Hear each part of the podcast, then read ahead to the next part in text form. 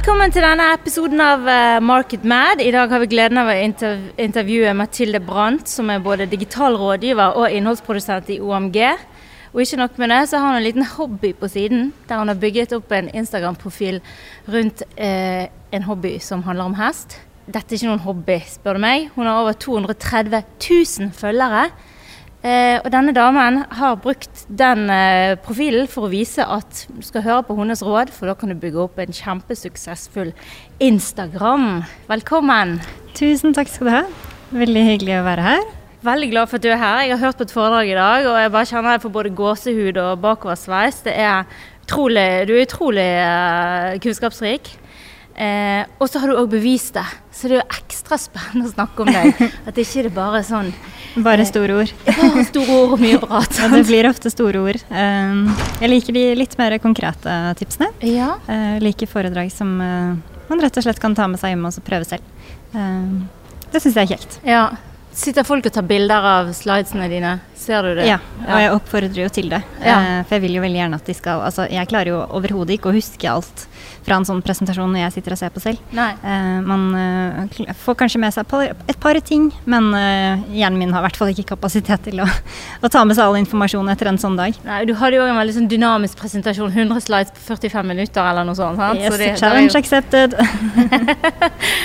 Du, eh, det vi har lyst til å snakke med deg om i dag, det er at um, det er jo mange bedrifter, i, i hvert fall i Norge, som ikke helt klarer å ta ut potensialet i Instagram, for å si det forsiktig. Ja.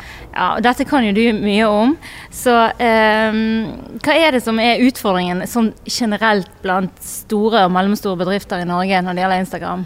Nei, um, nummer én, det her er jo min lille hjertesak. Um, nummer én er jo uh, at folk sitter i et eller annet møte.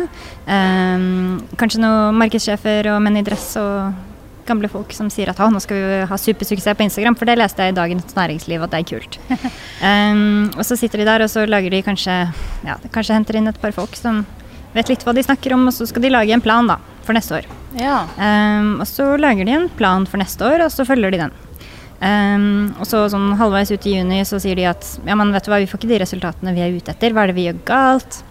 Og nummer én da er hvis du er um, nesten halvannet år etter at du bestemte deg for hvordan du skal bruke kanalen, og så klager du over at du ikke får noen resultater, ja. um, så har du kanskje ikke fått med deg at den appen den utvikler seg fra måned til måned mm. med nye funksjoner, uh, algoritmeendringer, uh, trender og så videre og så videre. Uh, så mitt aller, aller beste råd er å ikke være for fastlåst til en eller annen plan. Ja. Um, du må ha evnen til å snu deg på dagen uh, for å være fleksibel nok til å henge med i svingene. Ja. Uh, for kanalen utvikler seg, og det må du også gjøre. Så det innholdet som gikk bra for halvannet år siden, det er nødvendigvis ikke det som er optimalt i dag. Uh, og det samme gjelder hvordan det presenteres. Mm. Og, og, rett og slett hvordan budskapet formidles. Det må justeres.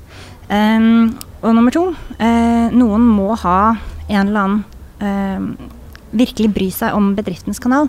Eh, det holder ikke å bare overlate ja. hele ansvaret til stakkars Trude som uh, har fått beskjed av sjefen om at nå skal du skaffe 100 000 følgere, og så bare slippe henne der. Og så har hun 100 andre oppgaver å gjøre i tillegg. Eh, og så skal hun lage en markedsplan, og så skal hun dra ut på en messe, og det er ikke måte på. Ja. Da kommer Instagram liksom som siste prioritet. Ja. Um, og hun får ikke vært innom. Uh, og det blir ikke nok tilstedeværelse, og da blir det dødt. Ja. Så det jeg pleier å si, er at veldig mange, spesielt ja, kanskje det gjelder også internasjonalt, men veldig mange bedriftskontoer er ofte pene. Det er fine bilder, tatt av proffe fotografer, det er egentlig ganske greit innhold. Men de er helt døde. Mm. Det er ingen kommentarer, det er ikke noe engasjement. Det er ikke noe som skjer der. Uh, og det er grunnet noe så enkelt som mangel på dialog. Eh, mangel på tilstedeværelse fra bedriftens side. Mm. Eh, så suksessfaktoren er ofte at én person som er brennende engasjert og virkelig opptatt av å løfte denne kontoen opp og frem, som har, fått det, som har fått lov til å sette av nok tid og budsjetter til å faktisk gjøre en forskjell, har den telefonen i lomma og har den oppe jevnlig gjennom dagen. Ja. Ha dialog, bygger relasjoner, blir kjent med folk. Um, få fotfeste innen nisjen eller bransjen. Uh, og, vi, og, virkelig er der, da. Nesten mer som en privatperson. Uh, så problemet med bedrifter er at man ofte får en ganske ille distanse fra mm. liksom uh, merkevaren og ut til den du skal kommunisere med. Ja. Men egentlig så handler, det om direkte dialog mellom to personer. Eh, så de bedriftene jeg ser at får det veldig bra til, de, man vet liksom så godt hvem de er, de som sitter bak. Ja. Man snakker med dem i DM, det er masse som skjer. De spør om hvordan helgen din var, og hvordan den stolen passet inn i stuen, om du kanskje kunne dele et bilde. Mm. Um, stilen din er så fin. Du, du har dialog frem og tilbake, da. i- Så når du har dialog, gjennom. så får du òg liksom innhold da fra dine følgere, på en måte? Ja, altså hvis, um, hvis, eh, hvis følgerne dine, eller fansen din, holdt jeg på å si, uh, føler at de kjenner seg og bryr seg, uh, og i tillegg får en mulighet til å bli sett av bedriften, så føler de at å, men vi blir, vi blir lagt merke til. Da er det en relasjon begge veier. Ja. Um, så det, det går på noe så enkelt som å tilbringe masse tid i kommentarfelt. Mhm. Eh, og ikke bare i egne, men også i andres, men ikke sånn der klein ah, follow ass, Ja. som veldig mange kjører sp som spam-strategier på. Eh, men rett og slett nesten bruke kontoen som om du skulle vært en privatperson. Um, fordi det blir for corporate, ja. rett og slett. Og det blir ofte litt sånn kleint og stivt. Og du Det blir kjempekleint. og du blir litt sånn flau av og til Ja. når du følger bedrifter på ja, ikke bare Instagram, men i alle kanaler. Mm. Eh, Ofte veldig stivt. Og det bunner gjerne i at man kanskje har en bitte litt sånn diffus kommunikasjonsstrategi. Ja. Man vet ikke hva man får lov å si og ikke. Ja. Jeg har kjent masse på det selv, som Ja. plutselig skal representere kunder eh, støtt og stadig. Eh, på det meste så holder jeg i 15 kontoer. ja. Um, og da er det kjempeskummelt å skulle gå ut og så offentlig eh, tale på vegne av bedriften som en representant, og så aner ikke jeg om jeg får lov til å bruke det ordet eller ikke. Mm. Eller om den typen emojis er aktuelt. Eh, og så plutselig så trår man over streken. Ja. Også opplevd. Blir kalt inn på teppet. Og så er kunden misfornøyd fordi det gikk for hardt for seg i Story. Eh, og da blir man jo enda mer forsiktig. ja. Så man dreper på en blir måte liksom kuet ned ja, ja, og sånn man, stillhet. man dreper hele essensen i Instagram ved å holde på på den måten. Så alt må være klinkende klart, sånn at de som holder i det, har god selvtillit eh, og kan ha det gøy med det. Nok til å tørre å utfolde seg selv litt. Ja. Men de som ofte får den, det mandatet da, i en bedrift, gjerne en som er ansatt Jeg har jo ofte inntrykk av at det er gjerne en, en eh, ja, Kanskje det er en ungen, kanskje det er en som ikke har vært der så lenge. Kanskje en som føler at de ikke har så høy, høyt mandat eller så Mm. mye hva skal si, beslutningsmakt. Sant? Som blir satt egentlig til å være sånn førsteledd mot he, he, kunder og hele Ja. merkevaren. Selve representanten utad, på en Ja, måte. ja. Men at ikke kanskje det er bevissthet rundt at det er det man faktisk har Det er den personen man har gitt den rollen, da. Mm. Ja, det er ofte veldig lite oppfølging eh, fra andre. Det er ofte lite opplæring, og det er hos Ja. overraskende mange bedrifter ganske skuffende hvor lite merkevare de har jobbet med. Ja. Altså de, har, de mangler kanskje en brand guide, de mangler en strategi for kanalen, de vet ikke egentlig hva de skal gjøre med sosiale medier. Det er Mm. veldig diffust. Ja. Eh, så den som skal holde i det, ender da opp med å prøve seg frem, bare. Ja. Og må da trå veldig varsomt. Ja. For man vil jo aldri gå over streken. Spesielt når det er så, noe som er så mye større enn en selv. Ja.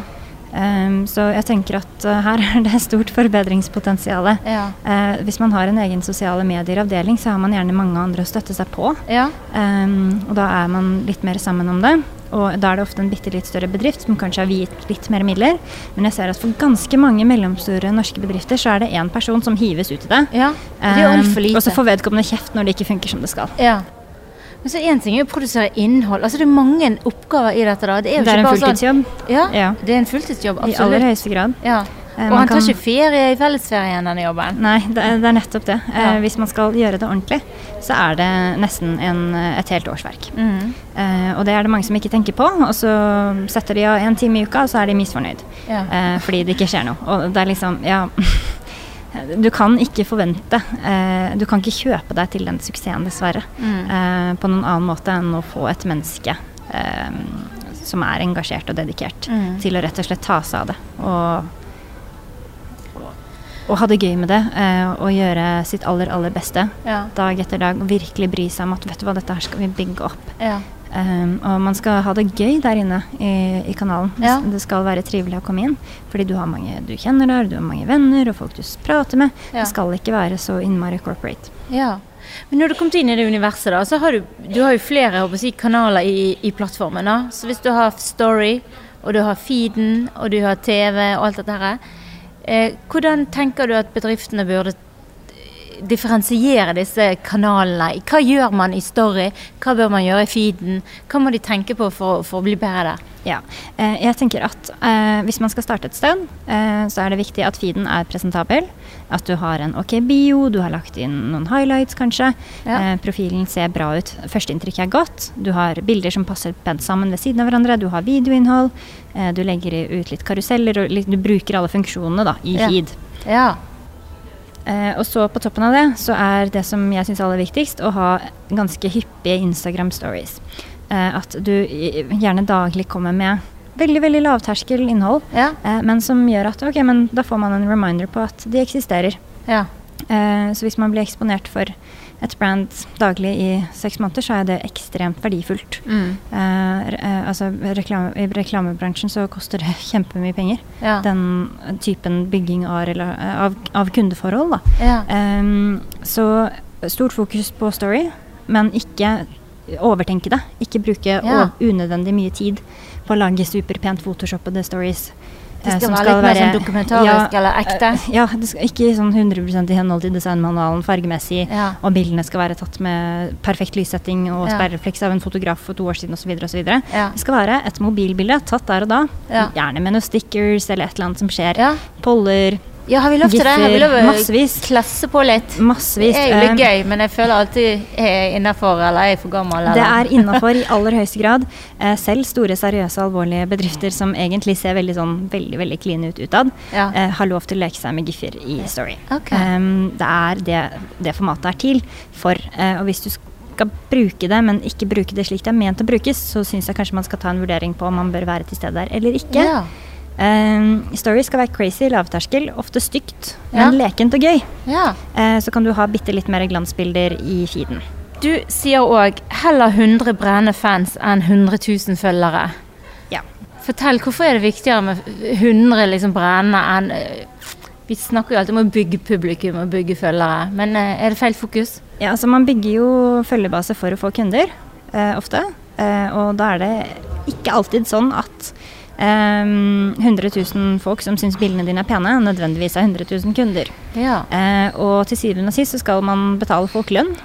Uh, man skal ha en viss uh, omsetning for at ting skal gå rundt. Mm. Um, og da er det rett og slett penger det handler om. Ja. Um, og 100 superfans som virkelig er interessert i merkevaren din. De er eksisterende kunder, kanskje. De er veldig potensielle kunder. Ja. Um, det er der pengene ligger. Ja. Uh, og det er mye bedre å ha en ganske tett relasjon der du setter av mye tid til å holde dialogen um, til 100 kunder mm. som føler at de føler seg sett. Uh, de er glad i denne merkevaren. De, ja. de, føler at det er en relasjon til stede som går begge veier, enn at du har 100, folk ser, nei, 100 000 folk som ser på bildene dine og går igjen. Mm. Det er litt som en butikk. Du vil ha de som tilbringer en halvtime der og er genuint interesserte, ja. og plukker med seg litt ting, ja. enn en som raser gjennom og så ut. Ja. Så heller um, 100 av de som tilbringer en halvtime, times tid ja. uh, og kikker og prøver ting på, enn 100 000 som raser gjennom og forsvinner. Ja. Men selvfølgelig, for å rekruttere flere av de 100, så må man ha folk som raser gjennom ganske ofte. For å kunne plukke opp de som er kvalifiserte leads. Mm -hmm. um, så over tid så vil man jo se ganske tydelig hvem som bare henger på lasset og hvem man faktisk skal passe på. Ja. Eh, og det vil man Man vil ha det ganske klart for seg hvis man tilbringer litt tid. Eh, for de som er genuint interesserte og potensielle kunder, vil på et eller annet tidspunkt sannsynligvis stille et spørsmål ja. eh, i forkant av en konvertering eller et kjøp eller en påmelding mm. eller lignende. Eh, mens de andre vil kikke og være et fint tall hvis du skal rapportere på Reach, men så forsvinner de. Mm. Men når du sier dialog, ha dialog med følgerne. Hva mener du da? Bokstavelig talt å skrive til ja. de? Ja. Kommentere, svare? Hva ja, gjør man for å ha en dialog? Svare på Instagram stories. Ja. Um, kommentere folks bilder. Svare på alle meldinger man mottar. Ja. Og svare på alle kommentarer man får inn. Ja. Rett og slett. Selv om det bare er sånn Oi, den var fin. Ja. Så sier man takk. Takk, så, så, koselig at du synes det. Det er bare Det er fa min favoritt. Eller Ja. vi lagde bare fem av den og var usikre på om vi skulle legge det ut. Ja. Den typen ting. Det er alltid et eller annet man kan tilføye. Ofte så ser jeg jo sånne eh, bedriftsprofiler som får jo nesten ingen kommentarer. Det er liksom ingen engasjement, det skjer ingenting. Mm, det er helt dødt. Ja, det, det er den ørkenen som du kaller det. hva er det de ikke Altså privatpersoner kan plutselig få 100 likes på mm. en dag, og så da er det ofte stor avstand mellom eh, kunden og merkevaren. Ja. De har ofte lite innbydende innhold. Det er ingen som oppfordrer til noen dialog. Ja. Det må ikke nødvendigvis være et spørsmål, men det fins ganske mange grep man kan gjøre for å øke mengden engasjement, men ofte så innebærer det et så stort skifte av innholdsstrategi og tankegang at de færreste begynner å gjøre det. Ja. For de er ikke klar over De tenker at åh, ja, men algoritmen ødelegger for oss, nå dør Instagram. Og så gir de på en måte opp. Ja. Eh, så for å snu den trenden så må man rett og slett gå i sømmene på det man gjør. Hvor my mye tid bruker man egentlig i appen ja. daglig? Gjør vi det egentlig på ordentlig? Ja, ikke sant. Ja. Og så Gå en ordentlig runde, og så fjerne alt det som vi vet at ikke funker, og så eksperimentere med masse nytt innhold, ja. som både er skummelt, og man kommer til å drite seg ut, og det kommer til å gå litt galt. Eh, men for å finne ut hva som faktisk gir engasjement, mm. så må man gjennom prosessen. Mm. Og til det så sier, anbefaler du ikke bruk bare Instagram sine analytics-verktøy, men Nei. Bruk tredjepart ja. for å få litt bedre sannhetsbilde, eller? Ja. Eh, man har jo Instagram Insights rett i appen. Eh, ja. som bedriftskontor og noen andre har tilgang til. Eh, og dette verktøyet er veldig greit for å måle resultatene denne uken ja. og her og nå. Ja. Men på sikt så er det ekstremt eh, lite data til stede. Mm. Eh, så man bør bruke et tredjepartsverktøy for å kunne lese av resultater over tid. men Instagram Insights har et verktøy Eh, for å sortere eh, innhold. Ja. Og mest vellykket innhold basert på engasjement, rekkevidde mm. Eh, og visninger. og da kan du rett og slett få opp ok, hvilke 20 bilder gjorde det aller best for meg i januar, mm. basert på engasjement. Og så ja. ser man de topp tre der. Så lager man flere av de topp tre. Ja. Ser hva var det vi skrev, hva var det vi postet, hvordan så det ut, hva slags post var det. Og så gjør mer av den. Eh, så du må alltid eksperimentere med nye ting, ja. men gjør gjerne mer av det du ser at allerede funker. Mm. Det er den enkleste og billigste løsningen på problemet. Du, dette var utrolig spennende. Eh, takk for gode råd og ekspertise. Eh, jeg håper du kan komme igjen en annen gang og fortelle oss mer. Veldig gjerne. Ja, takk.